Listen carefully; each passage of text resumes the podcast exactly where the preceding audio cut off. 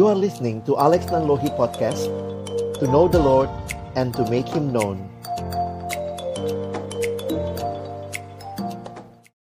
Bapa di dalam surga kami bersyukur buat kesempatan yang Tuhan berikan. Kami akan belajar kembali dari kebenaran firman-Mu yang mendasari seluruh tingkah laku perbuatan kami. Dan biarlah apa yang kami terima hari ini Tuhan tolong kami Untuk menjadi pedoman prinsip di dalam kami hidup secara khusus di dalam relasi pria perempuan boleh menjadi bagian yang menolong kami juga semakin bertumbuh dewasa di dalam relasi kasih yang dari Tuhan. Waktu ke depan kami serahkan Tuhan yang memimpin, hambamu yang menyampaikan, setiap kami yang mendengar dan juga diskusi di antara kami nanti akan menolong kami juga makin memahami dan bagaimana kami bisa melakukan apa yang menjadi kehendakmu. Waktu ke depan kami persembahkan dalam nama Tuhan Yesus Kristus. Kami berdoa, kami bersyukur. Amin. Shalom. Shalom. Ya, teman-teman, kalau Bang Niko tadi bilang soal slide saya, saya jadi takut gitu ya. Kenapa? Karena ternyata saya baru perhatikan slide saya untuk teman hidup banyakkan tulisan, gak ada gambar. Karena orang nggak ada gambar pun masih perhatiin gitu ya karena teman hidup gitu ya. Baik, kita akan coba lihat sama-sama. Saya mengajak kita uh, buka firman Tuhan dulu. Ada bagian yang menarik untuk kita pikirkan di dalam Amsal 30. Amsal 30. Mari teman-teman membaca ayatnya yang ke-18 dan 19. Amsal 30 18 dan 19 ya. Ini bagus jadi ayat hafalan. Satu dua kita baca ya. Satu dua ya. Ada tiga hal yang mengherankan aku, bahkan ada empat hal yang tidak ku mengerti. Jalan Raja Wali di udara, jalan ular di atas cadas, jalan kapal di tengah laut, dan jalan seorang Cie. Kaget ya ada ayat kayak gitu ya. Penting jadi ayat hafalan. Makanya langsung ditandai Alkitabnya dicoret, disobek kalau perlu gitu ya. Abang bacakan versi bahasa Indonesia sehari-hari ya. Ada empat hal yang terlalu sukar bagiku untuk dimengerti. Burung Raja Wali yang terbang di udara, ular yang menjalar di atas batu karang, kapal yang berlayar di tengah lautan, dan sepasang muda-mudi yang sedang jatuh cinta. Ya, oke. Berarti apa yang menarik adalah nampaknya hal ini bicara pacaran, relasi cinta tidak ada teorinya. Dalam arti kalau ini maka ini maka ini.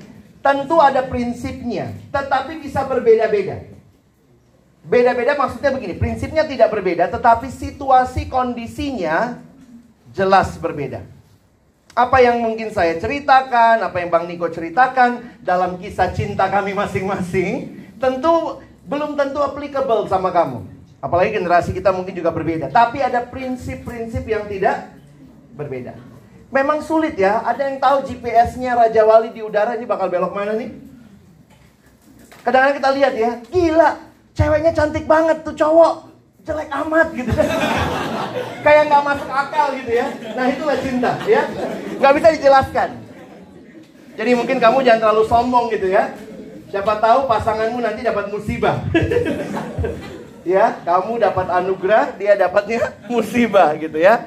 Jadi um, abang berharap kita mengerti juga apa yang firman Tuhan sampaikan kepada kita ini adalah sebuah misteri cinta yang di dalamnya tentu ada prinsip-prinsip yang penting. Saya biasanya kalau sesi seperti ini memberikan alamat saya. Karena banyak sekali, atau bukan banyak sekali ya, banyak yang lebih seneng nanya sesudah itu. Tapi juga ada hal-hal yang karena waktu terbatas, kadang tidak mudah ya. Dan silakan kalau mau kontak, asal uh, waktunya ada saya akan balas gitu ya. Ada hal-hal yang sudah pernah saya bahas, bisa lihat di IGTV gitu ya. Ada beberapa hal yang saya belum bahas, nantikanlah. Oke, nah teman-teman, uh, bersyukur kalau kita melihat bahwa masa kecil sampai dewasa kalian lewati dengan baik, ya. Karena saya pikir dalam setiap tugas atau setiap tahapan usia ada yang namanya tugas perkembangan. Yang psikologi tahu itu ya, developmental task. Ya, ini bukan lagi kuliah psikologi perkembangan ya. Jangan bang, jangan. Gak lulus aku. Gitu. ya, ya.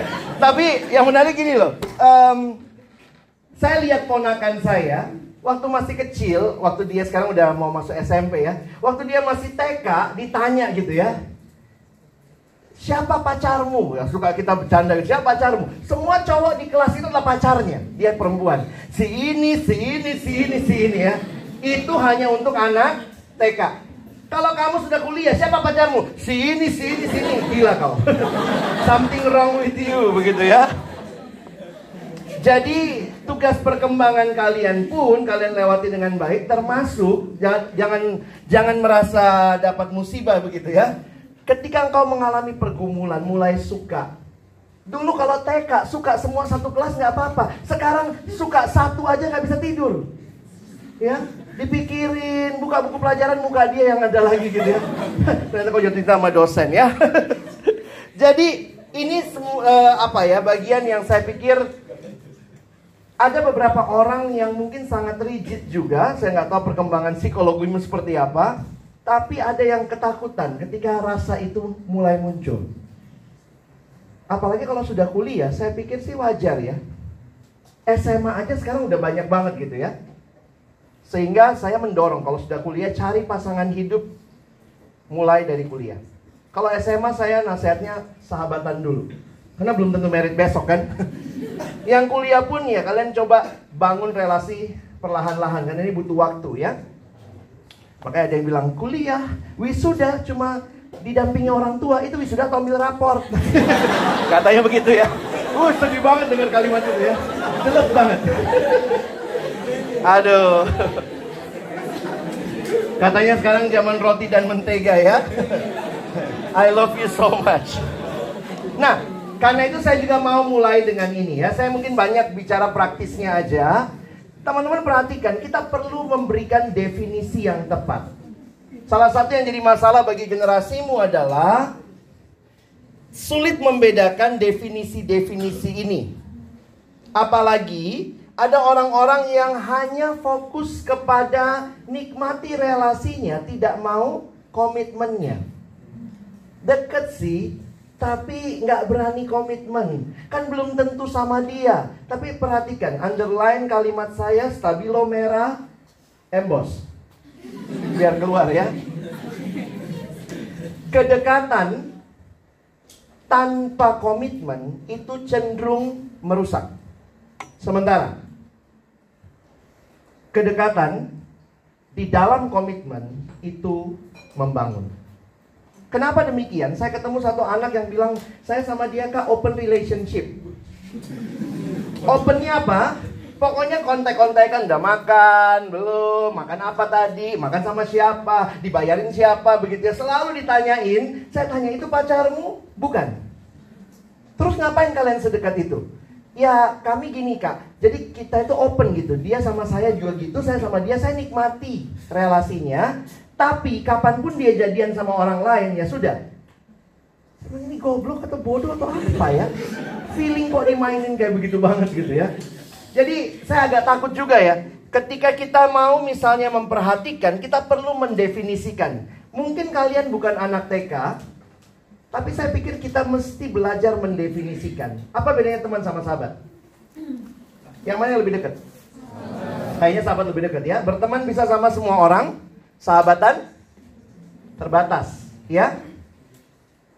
Sahabat sama pacar, bedanya apa? Beda status. apa?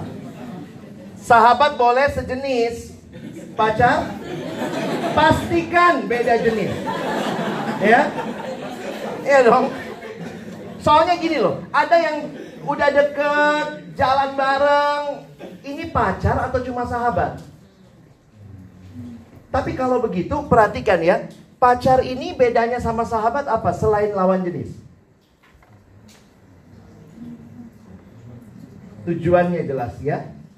Dan ada komitmen. Itu saya jarang sekali ketemu dari kalian ya, generasimu. Komitmen itu penting. Komit dulu baru jalan sebagai pacar. Jadi hati-hati tanpa komitmen tapi deket. Sorry ya, tapi kalau bilang PDKT, PDKT pun saya harus underline generasi kalian harus mengingat baik-baik. PDKT itu ada batas waktunya, nggak bisa PDKT 2 tahun. Itu bukan PDKT itu. Itu namanya PHP. Jadi kalau menurut abang berapa lama? Ya kalian lah yang tahu ya. Tapi minimal bagi saya 6 bulan lah max, maksimum ya. Kalau 6 bulan sudah selesai gimana bang? Ya move on dong. Emang cuma dia cowok di dunia. Tapi ada begitu yang masuk ke DM saya. Bang gimana caranya? Saya bilang kamu udah deket berapa lama? Udah punya komitmen belum? Terus saya nggak rela lepasin dia. Tapi dia sadar nggak kamu siapanya? Enggak sih, enggak elah. Ini orang mau apa gitu ya. Jadi saya ingatkan, sorry ya, mungkin saya dan Bang Niko kami agak old style ya. Saya harus pastikan kamu lagi di tahap mana. Ini lagi PDKT, lagi lagi temenan atau sahabatan atau sudah pacaran. Jelas.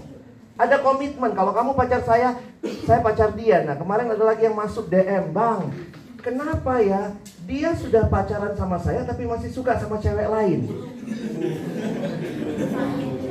Kalau sudah dekat, komitmen pacaran harus batasi dekat dengan pasangan lain atau lawan jenis yang lain. Itu jelas. Kenapa? Ada komitmen. Nah, mungkin saya punya pacar, saya jalan sama dia, tapi saya ngedate-nya itu yang kayak gambar-gambar sekarang ya. Di tangannya, belakangnya, hmm, pegang yang lain. Tapi sekali lagi ini jadi penting. Kenapa? Karena banyak kali orang Kristen pun jadi ikut dengan dunia ini.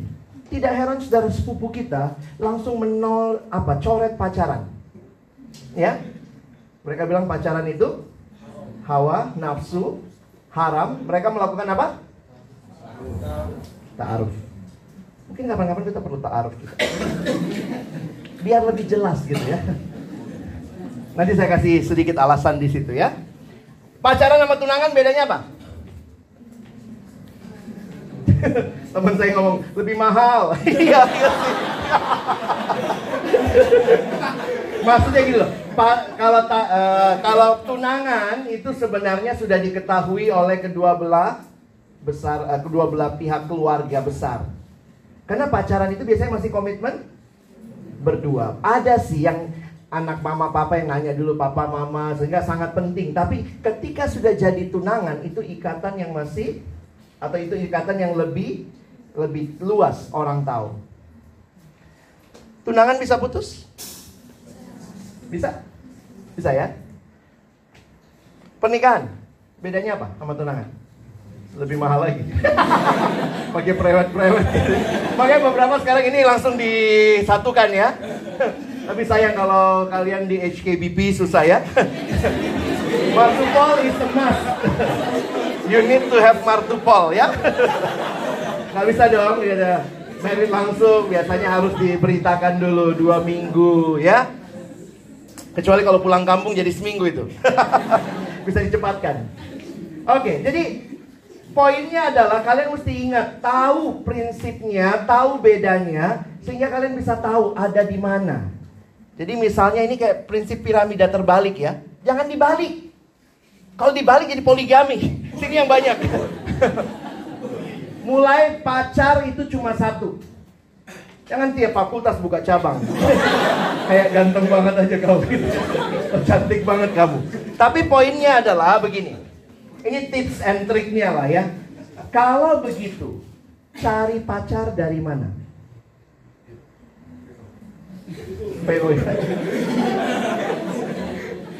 Kadang-kadang gini ya. Kenapa saya katakan pacaranlah atau cari pacar sekarang? Karena waktu kalian cari pacar biasanya di dunia kerja, itu belum tentu banyak anak persekutuan. Apalagi kalau kamu kerjanya di kampung-kampung, anak apa ya?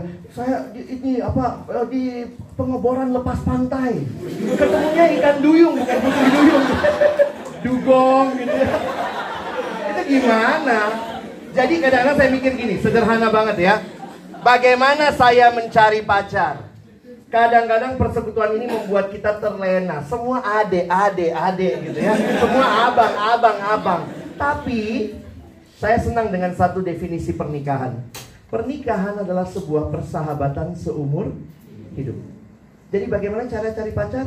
Listlah semua sahabatmu yang beda jenis kelamin. Mulailah. List oh si ini sih. Lalu mulai coret ini enggak. ini ya. Iyalah. Mau cari gimana gitu ya. Kan asik kalau udah kenal ya, tinggal melanjutkan persahabatan. Bukan begitu Bang Niko? Beliau ketua POUI zaman saya. Dia ambil teman saya, anak FKM UI jadi istrinya. Lalu dia pacarin ya. Jadi ketemunya di mana? Di persekutuan. Naik kereta bareng kita ya kalau mau acara gitu ya. Saya, saya merasa terhormat ketika mereka menikah saya MC-nya. Kedekatan kami POUI jangan dulu ya. Jangan dipublish lagi foto itu ya. Foto saya masih sangat kurus. Saya masih mahasiswa tuh udah alumni itu ya. Udah alumni ya. Baru baru lulus ya. Jadi ya kedekatannya begitulah ya. Jadi uh, saya melihat ketika kita mencari di luar sana, apalagi bilang love at the first sight, nanti kamu sudah jadi alumni lalu mulai mencari, bukannya nggak ada. Saya yakin Tuhan sediakan. Tapi akhirnya pertanyaan saya begini, di mana nanti komunitasmu untuk nyari? Kecuali kalau di kampus kamu punya komunitas, di gereja kamu aktif, kamu ikut misalnya kebaktian marga, pasal tahun, bona tahun, marga anu gitu ya, marga orang kau masukin gitu ya, untuk mencari. Ya beda marga kan mesti carinya ya.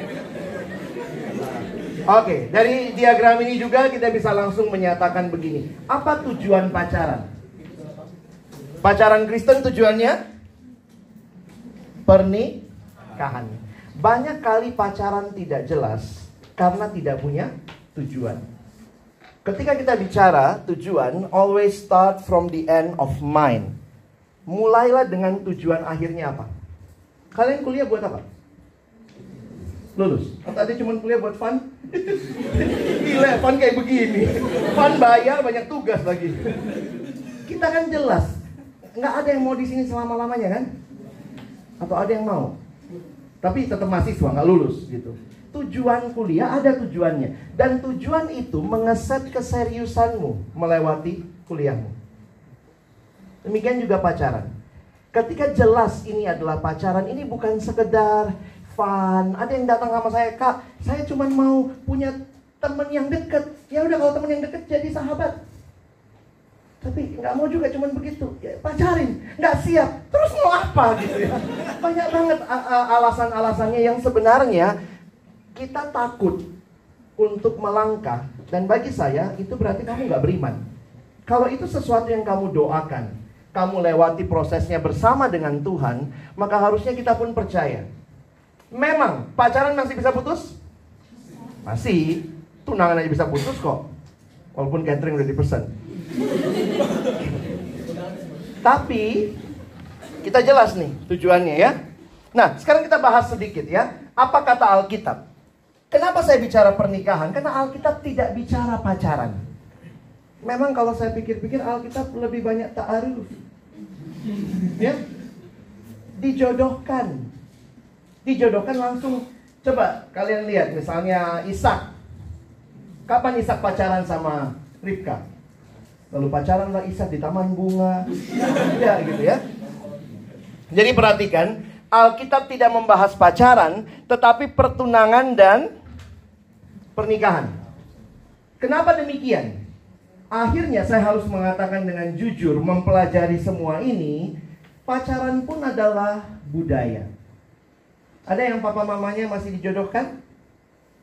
Mungkin ada kali ya papa mamamu gitu ya. Ini pariban kandung atau pariban jauh dijodohkanlah mereka akhirnya mentok ya udahlah itu aja gitu kan. Akhirnya lahirlah kamu gitu ya. Kalau kamu bilang pokoknya aku bersumpah tidak mau dijodohkan. Tadi nggak ada nggak mau sama kamu ya. Poin saya apa?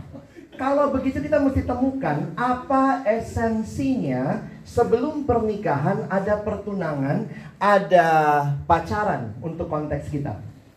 Saya garis bawahi satu hal saja, nampaknya esensinya adalah perkenalan.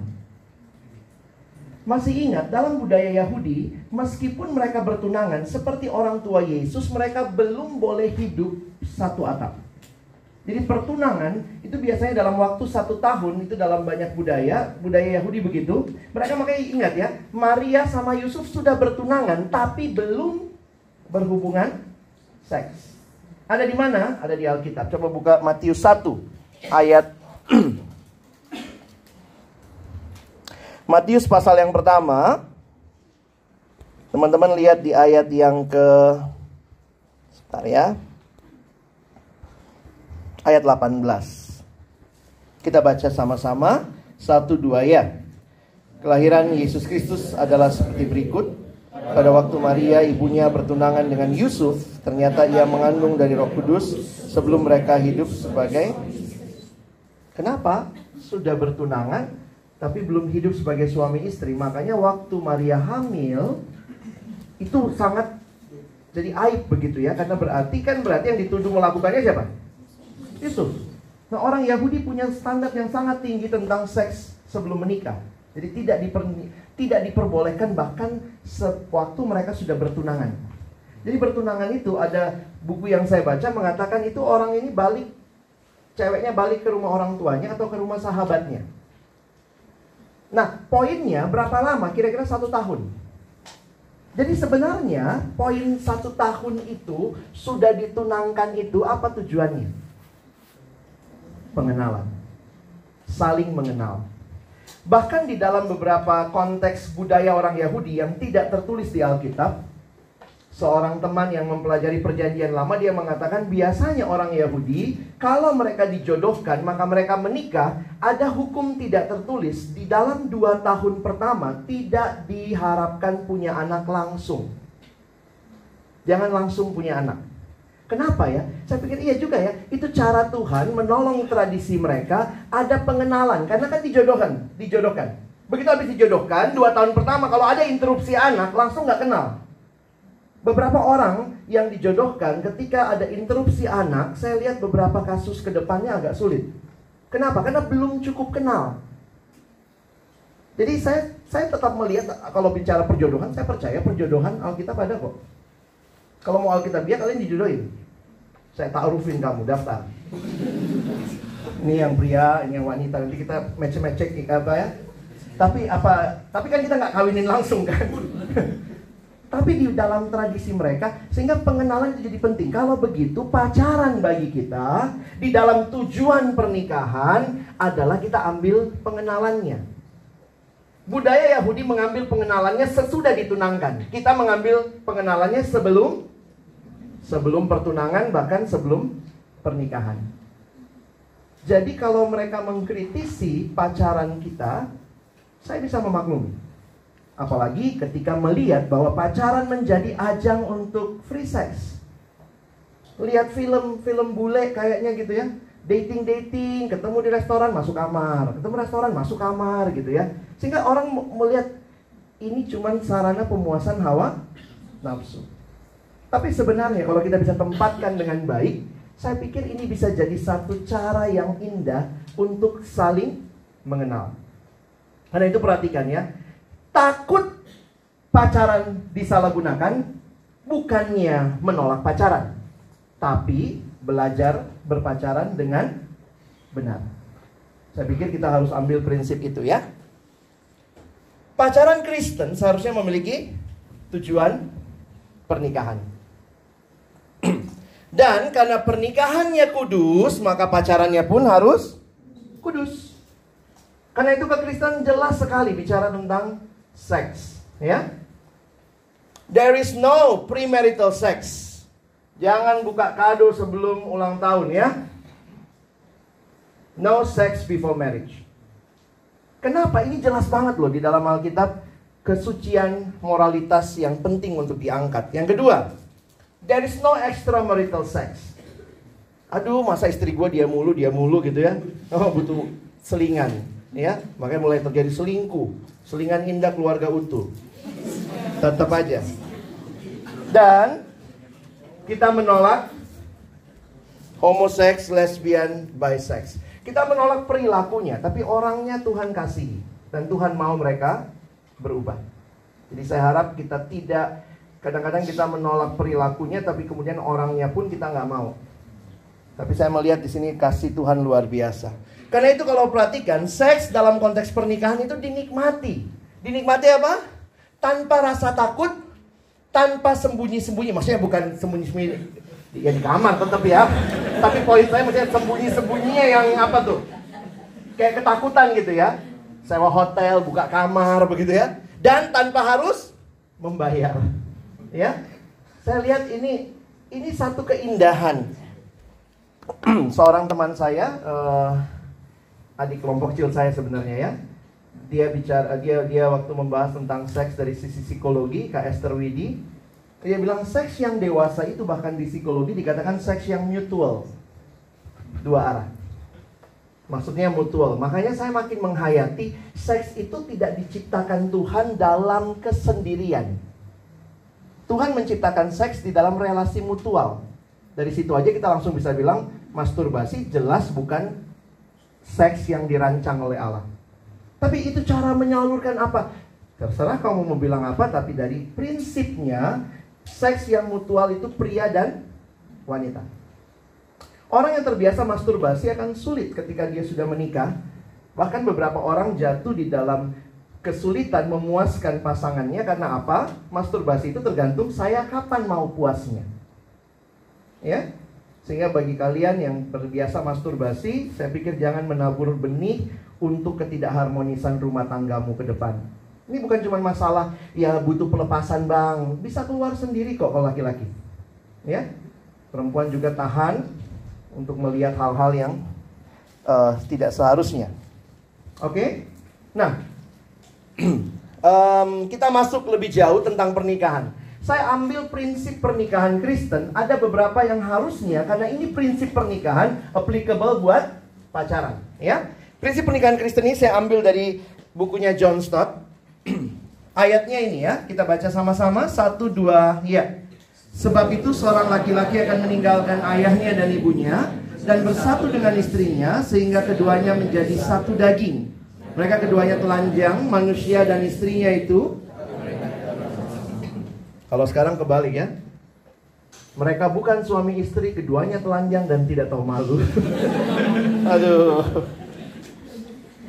Jadi kalau kalian perhatikan, ini ada mitos-mitos lah ya tentang pernikahan dan ini biasanya diturunkan dalam pacaran juga. Ada orang yang mengatakan begini, saya akan bahagia jika saya menikah. Benar nggak?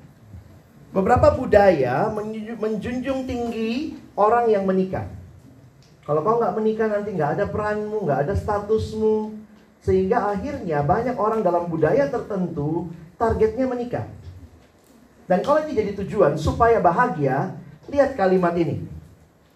Kalau jomblo saja engkau tidak bahagia, sorry ya, maka jangan harap ketika menikah engkau akan bahagia. Yang bisa membahagiakan kita, bahagia sejati kita temukan di dalam Kristus. Jadi yang jomblo bisa bahagia nggak? Bisa. Kalau di dalam Kristus. Sementara menikah pun tapi tidak dalam Kristus, tidak ada kebahagiaan di situ. Ya. Kamu senang itu, asik jomblo bisa bahagia ya. Puji Tuhan. Saya bilang gitu ya. Kalau menikah itu bikin bahagia, dari TK saya suruh kau menikah, biar bahagia kau. Sayangnya yang bikin bahagia itu Tuhan Yesus. Karena itu dari TK kita layani. KKR, terima Yesus, tantang dia, injili, bawa dia dekat sama Tuhan. Membawa mahasiswa baru di kampusmu bukan membawa mereka pacaran. Tugasmu beritakan Injil. Pasangan hidup, nah ini lagi, bukan untuk membahagiakan kita, bukan untuk melengkapi kita. Nanti kasihan yang nggak menikah, yang nggak punya pasangan hidup, kayaknya aku nggak lengkap. Mulailah pakai kalimat mana tulang rusukku, mana tulang rusukku, cari-cari gitu ya. Nah ini banyak pemahaman ya. Karena hanya Tuhan yang bisa membahagiakan kita.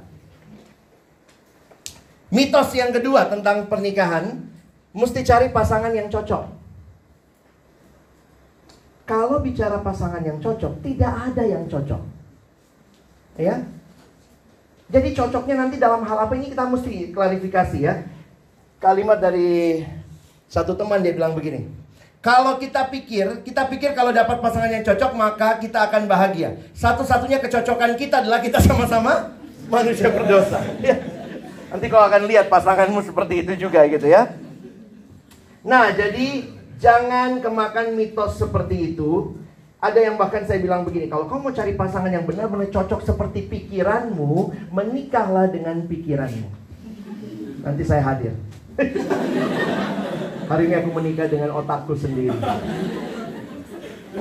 Kita ini manusia berdosa, kita pun nggak lebih baik kan ya. Karena itu ada kalimat begini. Lebih baik yang tidak sempurna, tapi ada orangnya. Daripada cari yang sempurna tapi nggak pernah ada orang itu. Ya ada orang-orang yang nunggu. Aku mau cari yang sempurna, yang begini-begini nggak ada yang sempurna. Ya. Karena itu saya masuk ke lima prinsip pernikahan. Kata John Stott yang pertama heteroseksual. Pernikahan menyatukan seorang laki-laki dengan istrinya. Karena itu kita ambil ini dalam prinsip pacaran. Cari pacar yang beda jenis kelamin. Kedua, perhatikan. John Stott mengeksegese, dia mengatakan jelas tuh monogami itu ada dalam perjanjian lama, bahkan waktu awalnya. Allah menciptakan satu laki-laki dan satu perempuan. A man dan istrinya his wife, bukan his wives, istri-istrinya. Enggak. Ya. Tunggal bukan jamak. Ini desain ideal Allah sejak semula. Yang ketiga, yang saya pikir ini banyak dilupakan generasi ini. Komitmen. Bersatu dengan istrinya. Menikah adalah seumur hidup dan tidak boleh diceraikan. Ini bersifat umum. Makanya dalam beberapa kasus kita melihat negara ikut mensahkan. Ya, perhatikan prinsip ini. Peristiwa meninggalkan ayahnya dan ibunya merupakan peristiwa sosial yang terjadi di depan umum. Keluarga, teman, masyarakat berhak mengetahui apa yang terjadi. Karena itu kita menolak nikah di bawah tangan, apalagi di bawah meja sempit. Ada yang bilang, "Bang, bagaimana tuh mereka menikahnya di bawah tangan? Cuma nikah kontrak supaya oh, sorry, Kristen nggak begitu." Ya. Sebenarnya unik juga ya. Uh, siapa wanita paling berbahagia di dunia? Katanya Hawa ya, nggak punya mertua.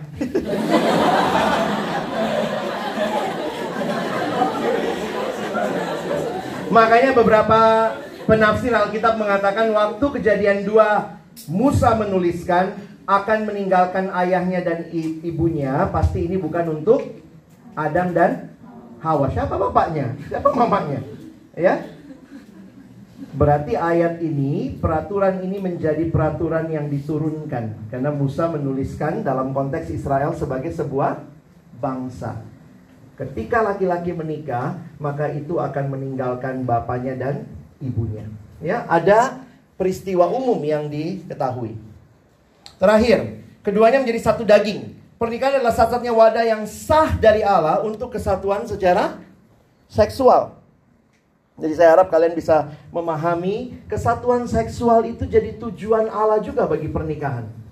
Ya, dan karena itu saya melihat banyak pernikahan yang juga ketika kesatuan seksualnya bermasalah, ini pun jadi masalah pernikahan. Ya, perhatikan definisi lengkapnya.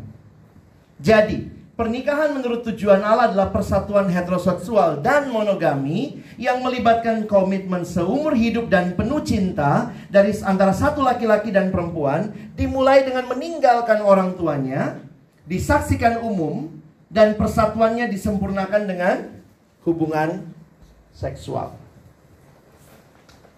Perhatikan indahnya tujuan Allah bagi kita. Karena itu siapkan diri, pacaranlah dengan baik. Pacaran Kristen yang punya tujuan pernikahan seperti ini akan menyiapkan kita masuk dalam yang tadi Bang Niko bilang dalam kaitan rencana Allah membangun kerajaannya di dunia ini, ya. Oke, saya masuk sedikit tentang apa artinya penolong yang sepadan. Di dalam kita membahas, kita mesti lihat di mana muncul pertama kali kata penolong yang sepadan. Di mana? Kejadian 2. Coba buka kejadian 2mu sebentar, kita lihat ya.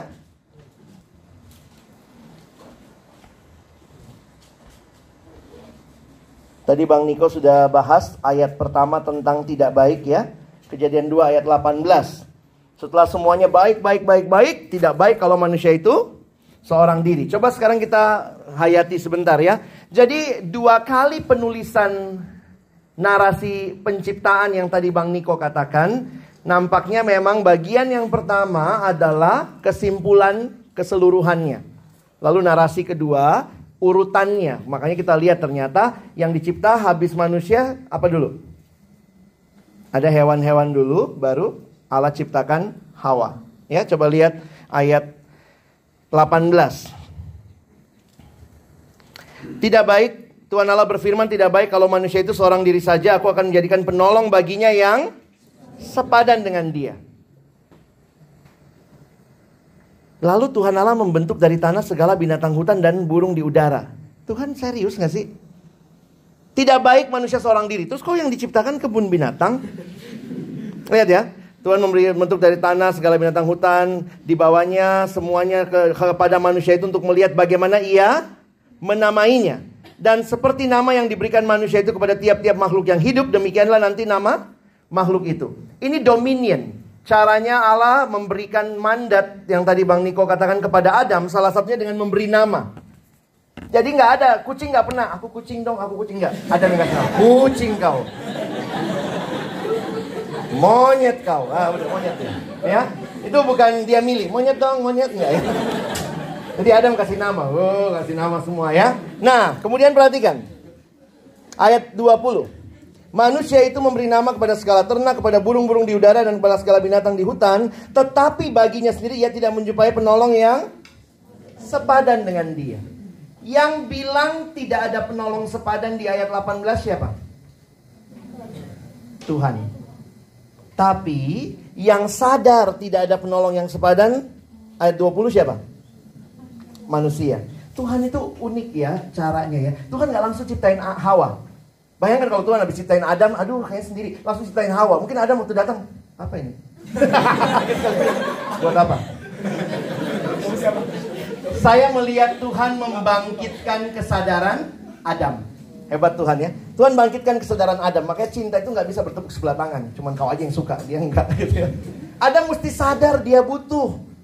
Dari mana Adam sadar dia butuh? Nampaknya waktu menamai hewan.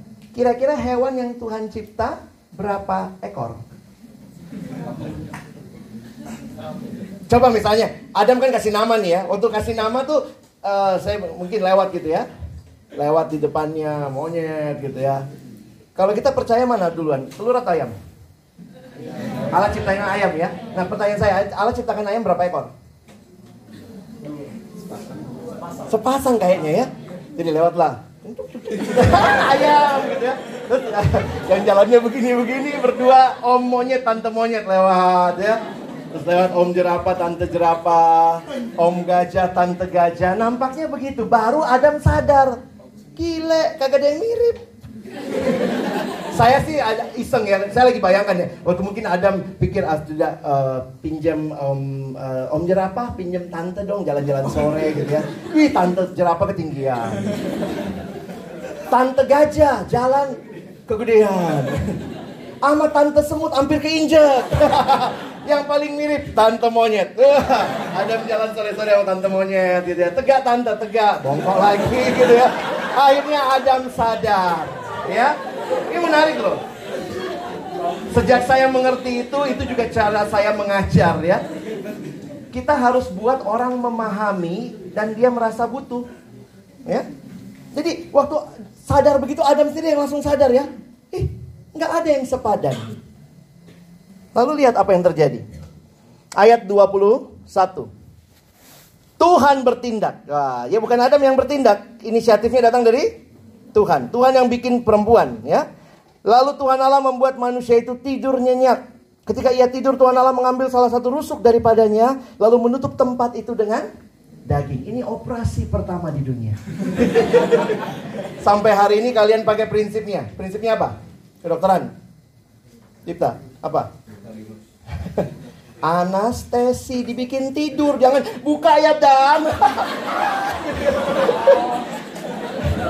Anestesi itu alkitabiah, ya.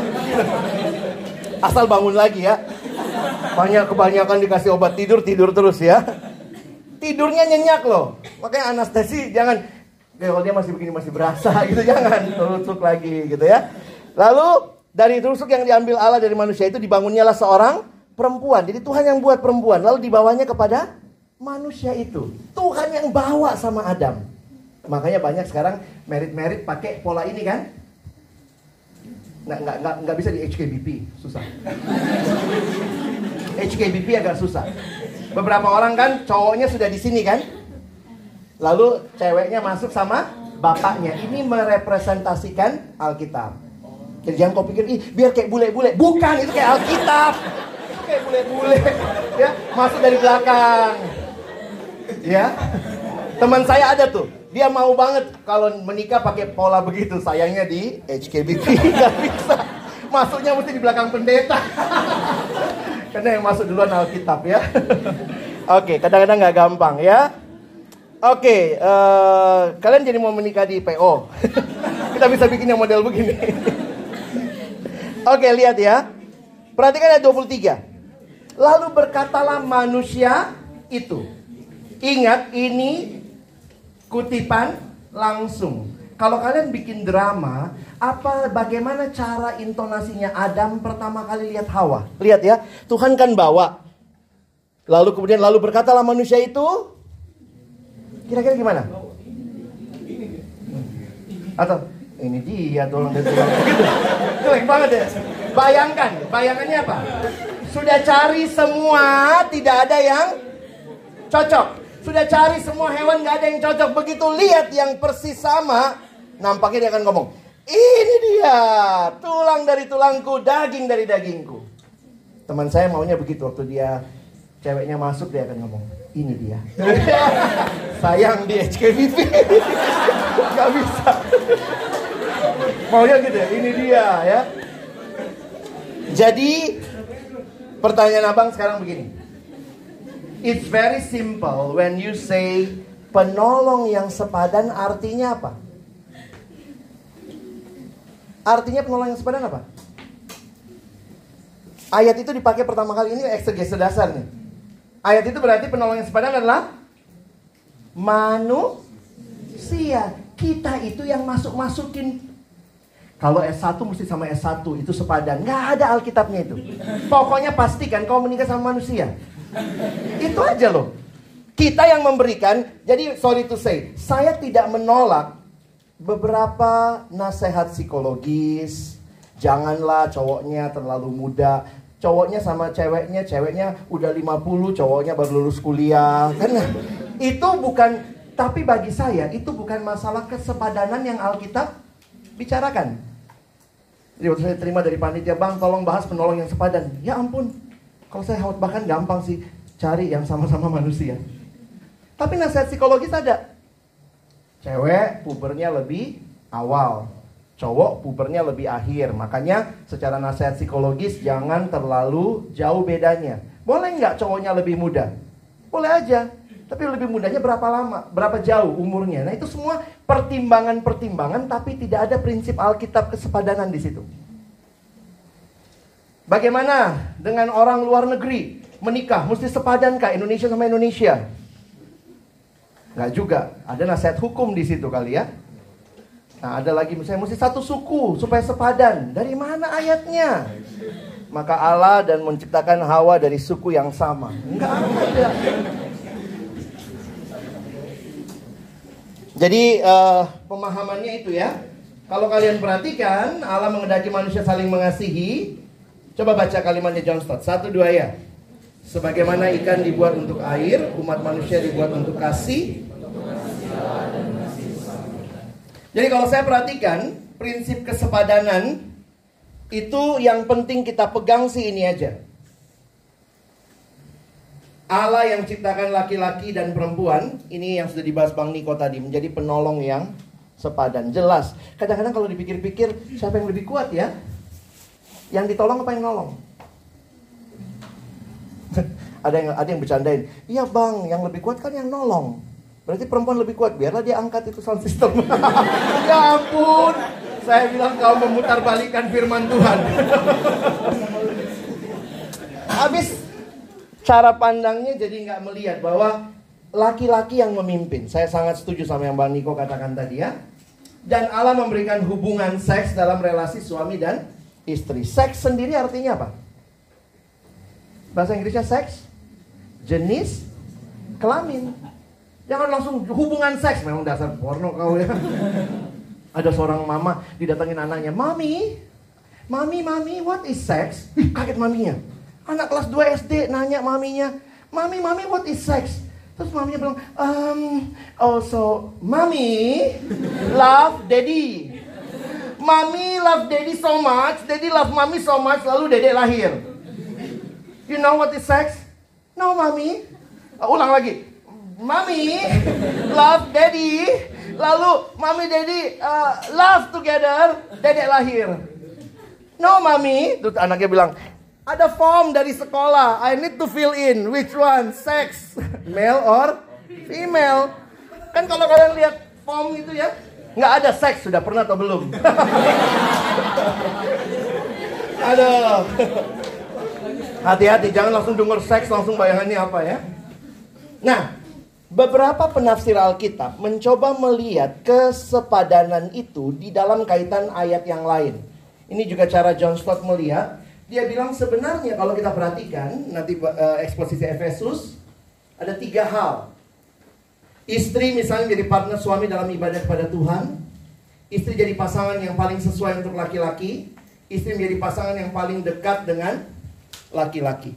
Jadi saya melihat kesepadanan itu makanya di dalam pastoral kalau kita temukan kasus prianya lebih muda, wanitanya lebih tua. Maka yang kita tanyakan bukan uh, pertimbangan psikologisnya. Mau nggak yang lebih muda laki-lakinya memimpin? Tetap harus dipimpin. Sehingga ada beberapa teman saya menikah dengan yang lebih muda, cowoknya lebih muda, dia belajar panggil abang. Padahal secara umur, sebenarnya itu kan nggak mungkin habis menikah, dek, itu suamimu, woy. Jadi belajar tuh, ada hal-hal seperti itu, ya. Tidak mudah sering kali, tapi saya pikir ini jadi bagian kesepadanan yang dituntut oleh Alkitab adalah pria dan wanita tahu perannya. Oke? Okay? Prinsip berpacaran. Makanya saya coba bilang ya, prinsipnya yang jelas memuliakan Allah. Karena pacaran tujuannya pernikahan. Dulu saya bilang pertama yang harus dicari adalah yang sama-sama seiman. Sekarang saya ganti. Pertama pastikan lawan jenis dulu baru seiman. Karena banyak yang seiman tapi sejenis. Dan sekarang saya udah taruh. Dulu kalau teman saya kalau bawain LSD dia taruh paling depan adalah pastikan dulu manusia. Karena kan ada tuh perempuan di China dia menikah sama kucingnya. Kenapa? Karena semua laki-laki pembohong. Kucingku ini yang paling setia. Menikah sama kucing. Ya, pastikan manusia lawan jenis seiman dan bertumbuh. Kenapa ini penting? Teman-teman jangan cuma cari asal Kristen. Sorry to say, kadang-kadang kita nggak mengerti hal ini dengan tuntas karena kita pikir yang penting labelnya Kristen. Ada yang bilang sama saya, tapi dia ke gereja kok bang. Setan pun juga ke gereja, makanya ada gereja setan. Jadi Jangan lihat dari dari itunya dia ke gereja. Ada anak siswa dulu nanya sama saya. Menurut abang bagaimana gereja setan? Saya bilang bagus itu. Ih kok bagus bang? Setan aja ke gereja, apalagi kau. Lebih rajin kau. Jadi coba perhatikan ya. Pastikan dia bertumbuh. Pastikan dia cinta Yesus. Beberapa anak datang tanya, bang sorry kami beda nih. Dia gereja protestan, saya gereja katolik. Saya bilang sekarang bukan masalah protestan katoliknya. Dia protestan yang terima Yesus bertumbuh. Dia katolik yang terima Yesus bertumbuh atau tidak. Itu jauh lebih penting daripada sekedar merek gerejanya. Oke? Okay? Kenapa itu penting? Se Saya kasih satu cerita ya, beberapa adik-adik yang pernah saya layani di kampus, tiba-tiba datang minta ketemu, dan beberapa adik-adik ini perempuan yang datang ya. Mereka dari uh, Naposo HKBP. Terus dia bilang begini, Bang, tolong KTB-in kami. Saya bilang, kenapa mesti di KTB-in? Kami akan menikah setahun lagi. Uh, pacar-pacar kami, cowok-cowok kami ini, itu semua orang-orang yang biasa aktif di gereja, tapi belum terlalu bertumbuh. Nah sementara perempuan, saya bilang ya udah kamu dong yang bimbing calonmu begitu. Dia bilang susah bang, apalagi suku kami, perempuan yang bicara susah.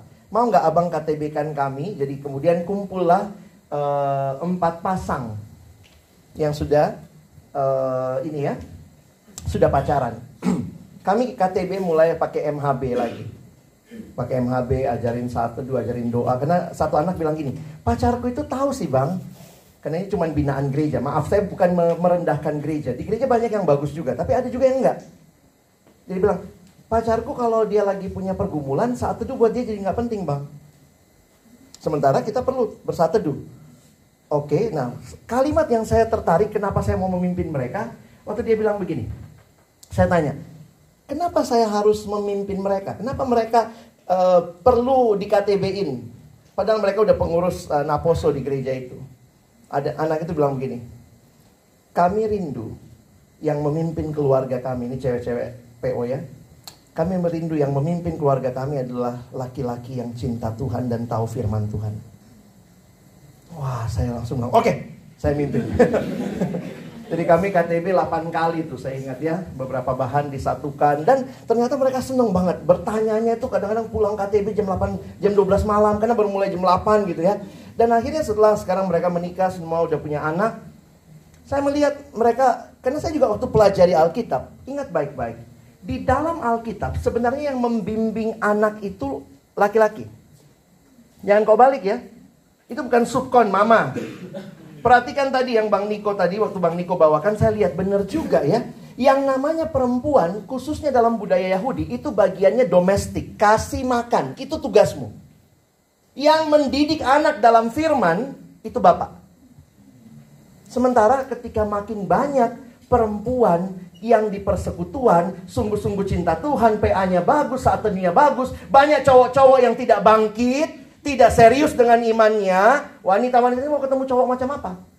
Kadang-kadang yang terjadi perempuan yang turunin standar. Dia kadang-kadang saya pikir sedih banget. Makanya waktu saya ketemu sekelompok pemuda ini, saya pikir wow, dia tidak rela keluarganya dipimpin oleh laki-laki yang tidak cinta firman. Nah ini kerinduanmu juga nggak? Jangan cuma ke gereja, tapi bertumbuh. Ada fluktuasi mungkin ada, tapi tetap arahnya bertumbuh. Jadi saya serukan laki-laki cinta Tuhan. Tambah laki-laki lagi, ajak teman-temanmu. Memang mungkin ya persekutuan terlalu feminin kali ya. Batasilah lagu-lagu pakai gerakan. Cowok-cowok itu jijik. Aduh. Agak maco sedikit persekutuan supaya cowok suka. Ya, jadi cewek-cewek juga tahu diri lah ya. Lagu jangan kerendahan. Beberapa lagu karena MC-nya cewek begitu ya. Uh, hari ini ceweknya mungkin enak, kita yang laki-laki. Hari ini kurasa ayah suka cita berkumpul bersama saudara. Tuhan itu, Tuhan nggak bisa. Lagu itu ada nada dasarnya, ya. Nada dasarnya itu dari situ keluar emosinya, ya. Saya jujur aja, ketika persekutuan dikuasai tanda kutip oleh perempuan, kadang-kadang lagunya ikut alto. Kalau kau alto kami. Kedua di dalam kekudusan prinsipnya. Ketiga dalam kasih. Kasih itu apa sih? Bahasa Indonesia tuh katanya paling gampang menjelaskan kasih. Kasih ya kasih. Love is giving. Love is not taking. If love is taking, taking, that is not love, that is rampoking, you know? love is giving. Makanya kalau saya mengasihi pacar saya, Saya tidak akan minta cium-cium, pegang-pegang, grepe-grepe. Kalau saya mengasihi dia, saya akan jaga dia. I will give everything to protect her. Kudus sampai altar pernikahan. Saya sama istri waktu kami pacaran, kami batasin nonton. Pertama, karena lagi nabung buat merit. Tapi yang kedua memang nonton itu paling ngeri ya. Gelap, di samping dia. Kecuali kalau dia bukan siapa-siapa, mbok, mbok saya nggak peduli gitu ya. Ini yang saya suka, yang saya sayang, yang saya senang. Kadang-kadang pegang tangan, remes-remes. Emangnya jemuran gitu ya. Beberapa orang jatuh dalam dosa juga karena cara berpacaran yang tidak jelas. Kami batasin. Jadi kami kayaknya baru nonton bareng itu tiga bulan menjelang menikah. Bagi kami mendingan pacaran itu ngobrol. Dua jam nonton satu hal nggak ngomong. Jadi akhirnya saya juga memilih dan memilah apa yang dilakukan dalam pacarannya, dalam kasih. Bagaimana supaya ada yang nanya, abang pernah cium kakak waktu pacaran? Pernah. Saya cium dia di tiga kali. Kami pacaran tiga tahun. Saya cium dia tiga kali waktu dia ulang tahun. Di depan semua keluarganya, cium pipi. Cium juga kan? Yang kau bilang, ih, kalau tamat. Kita lihat beberapa prinsip terakhir. Jangan merupakan pasangan yang tidak seimbang dengan orang-orang yang tidak percaya. Sebab persamaan apakah antara kebenaran dan kedurhakaan adalah bagaimanakah terang dapat bersatu dengan gelap. Jadi kalau ada yang tanya bagaimana dengan yang beda iman? Sebenarnya kalau saya mau jujur, ayat ini ayat perdagangan loh. Di tengah-tengah jemaat Korintus yang begitu kuat uh, perdagangan dengan orang-orang yang menyembah berhala, Paulus tarik begitu jelas prinsipnya. Memang ayat ini awalnya bukan buat pacaran. Tapi kalau berdagang aja nggak boleh sama yang berbeda iman, konteks waktu itu, apalagi menikah. Lihat lagi prinsipnya, satu dua ya. Jika engkau makan, atau jika engkau minum, atau jika engkau melakukan sesuatu yang lain, lakukanlah semuanya itu untuk kemuliaan Tuhan. Saya tutup dengan beberapa slide ini ya. Tujuan berpacaran kalau begitu apa? Yang bukan dulu. Bukan. Bukan. Bukan sekedar memberi motivasi. Kadang-kadang kita pikir memberi motivasi bukan itu kok. Saya ingat satu waktu saya pimpin retret anak SMP. Itu SMP lucu ya. Cowoknya kecil-kecil, ceweknya udah mulai puber. Maaf udah pakai kutang, cowoknya masih lari-lari tabrak-tabrak gitu ya. Itu cowok-cowok SD, kelas SMP kelas 1 soalnya. Jadi waktu pimpin retret di Bandung itu, tiba-tiba cowok-cowok itu begini ya. Kak, Kak Alex kamarnya mana? Saya bilang, nih kamar pembicara. Oh gede ya kak? Kami datang ya kak siang-siang habis makan. Mau ngapain? Mau smackdown. Bener loh. Mereka datang ke kamar saya mau smackdown. Wah datanglah. Jam 2 diketuk kamar saya. Datang tiga anak. Dua orang smackdown, satu nanya-nanya. Saya ingat waktu anak kecil banget gitu. Dia tanya, Kak boleh nggak kita pacaran? Saya perhatiin dia, ya Allah, celana lo belum sampai bawah gitu ya. Boleh nggak kita pacaran? Saya tanya dulu dong. Pembimbing remaja yang baik tidak memberikan langsung jawaban, tapi tanya dulu. Emang tujuan pacaran apa? Loh, kalau pacaran itu kan kak, kita bisa menambah semangat belajar. SMP kelas 1 coy. Saya bilang ini, itulah egoisnya. Kalau kamu sekedar pacarin anak orang supaya semangat belajarmu bertambah, berarti itu kamu ngerampok dia kan? Coba kalau kalian jadi orang tua, om tante pinjam anaknya ya, supaya semangat belajar saya bertambah. Terus boleh putus nggak? Boleh, udah semangat saya belajar. Mendengar saya ngomong tidak, saya bilang kalau sekedar nambah semangat belajar dek, minum cerebrofit. Wih, saya ngomong begitu, yang lagi smackdown berhenti. Langsung ikut diskusi. Dan saya ingat banget, anak itu nunjuk saya. Dasar kakak nggak ngerti anak muda. Saya tanya dia, kalau gitu kamu apa tujuannya pacaran? Terus dia jawab, ini satu anak lebih tengil lagi. Kalau kita pacaran itu kan kak, kalau kita mau jalan ke mall ke mana kan ada yang bisa kita ajak biar kita nggak kesepian. Hei, egois banget. Kalau sekedar mengisi kesepian, pelihara anjing. Oh, bawa itu ke mana-mana. Ngisi kesepian, free love, free sex. Tujuan. Saling penyesuaian diri sebelum pernikahan. Karakter, rohani, tapi bukan fisik. Tetapkan batas-batas keintiman. Pegang tangan, pelukan, cium pipi, cium bibir, seterusnya. Kenapa? Banyak kejatuhan sebelum pernikahan itu karena membiasakan keintiman-keintiman kecil. Lama-lama jadi besar, lama-lama jadi kejatuhan. Kalau buat kamu pegang tangan aja, korslet kamu, karena tidak semua keluarga itu hangat ya. Ada keluarga yang memang dari oh udah ketemu ciuman pelukan, tapi ada anak yang nggak nggak bisa atau nggak biasa. Sehingga begitu pegangan tangan aja udah korslet, maka jangan pegangan tangan. Tapi dia mesti belajar, Pak, Kak. Ayo saya pegang terus tangannya. Kasihan. Ciuman, saya sangat membatasi. Saya juga istri saya waktu kami pacaran ya cewek ya biasa mau relasi yang intim. Nah, saya agak saya bukan orang yang sangat intim banget gitu ya di depan umum dia langsung uh, gandeng tangan saya waktu itu. Kami lagi jalan mau ke rumah anak KTB saya. Dia gandeng, abang, abang-abang gitu. saya aduh, saya bilang, dek lepas dek. Apa sih abang? Ah, lepas dek. Ayo lepasin. Maksud saya gini, aduh, saya juga udah mulai korslet kan. Saya bilang sama istri saya, saya gampang terangsang, kamu harus ngerti. Waktu dia gitu, apa sih Lepas nggak? Apa sih abang? Lepas nggak? Mau selamat nggak? Jadi akhirnya dia lepas.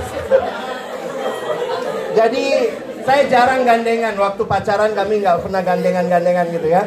Kenapa? Saya tahu kelemahan saya. Jadi bukan masalah kemesraan. Kemesraan nggak usah ditunjukkan dengan hal begitu dong. Kau gandeng tangannya kau nggak pernah doain, ngapain? Tapi kau gandeng terus tangannya dia jatuh dalam dosa, kau jatuh dalam dosa saling menikmati. Uh, jalan begitu enggak, ya. Jadi saya saya pegang tangannya kalau nyebrang. Saya beberapa kali saya pegang tangannya. Abang pernah pegangan tangan waktu pacaran? Pernah waktu nyebrang. Kalau perlu pakai pulpen. Gak gitu-gitu amat salah ya. Ada yang nanya, abang pernah peluk kakak? Pernah. Saya peluk dia lama itu, apa satu jaman saya peluk. Eh, ngapain? Ketika jenazah papanya bersama kami naik ambulans pulang ke rumah duka. Di situ dia butuh pelukan saya. Saya peluk dia. Dia nangis, saya peluk. Jadi saya tahu kapan saya harus lakukan. Kadang-kadang nakal juga kan laki-laki ya. Kecuali saya bukan laki-laki nih. Saya laki-laki nakal-nakal juga gitu. Tapi saya harus katakan saya belajar untuk mengatakan tidak. Karena apa? Saya saya lemah. Saya bilang sama dia, saya lemah. Jangan wanita itu sebenarnya secara emosi seksualnya naiknya lebih lama. Kalau cowok itu lebih cepat. Cowok begitu terangsang langsung teng gitu ya. Makanya di dalam ilmu berpacaran psikologi, wanita harus jadi wasit. Begitu misalnya cowoknya udah mulai macam-macam nih, napasnya udah eh, terenganga, kamu langsung prit gitu ya, jelas. Off. Kalau enggak juga tampar, pak. Cowok kalau udah digituin bisa langsung turun, cetek, habis. kalau cewek soalnya naiknya lama, pelan-pelan naiknya, tapi kalau sudah di atas, tinggi, susah turunnya. Turunnya landai. Makanya yang lebih cepat terangsang harus jadi pemain yang taat. Wanita harus jadi wasit yang tegas. Dia langsung prit gitu ya. Dia mulai pegang-pegang, mulai apa. No, prit. Enggak. Beberapa orang begitu video call, video call, nanti lama-lama lihat dong, lihat dong, lihat apa nih kasih tembok. Mau lihat?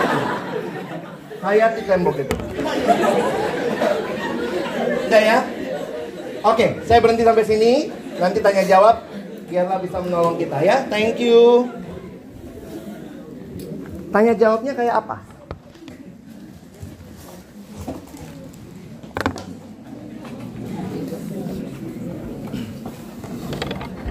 Jadi sekarang kita istirahat 30 menit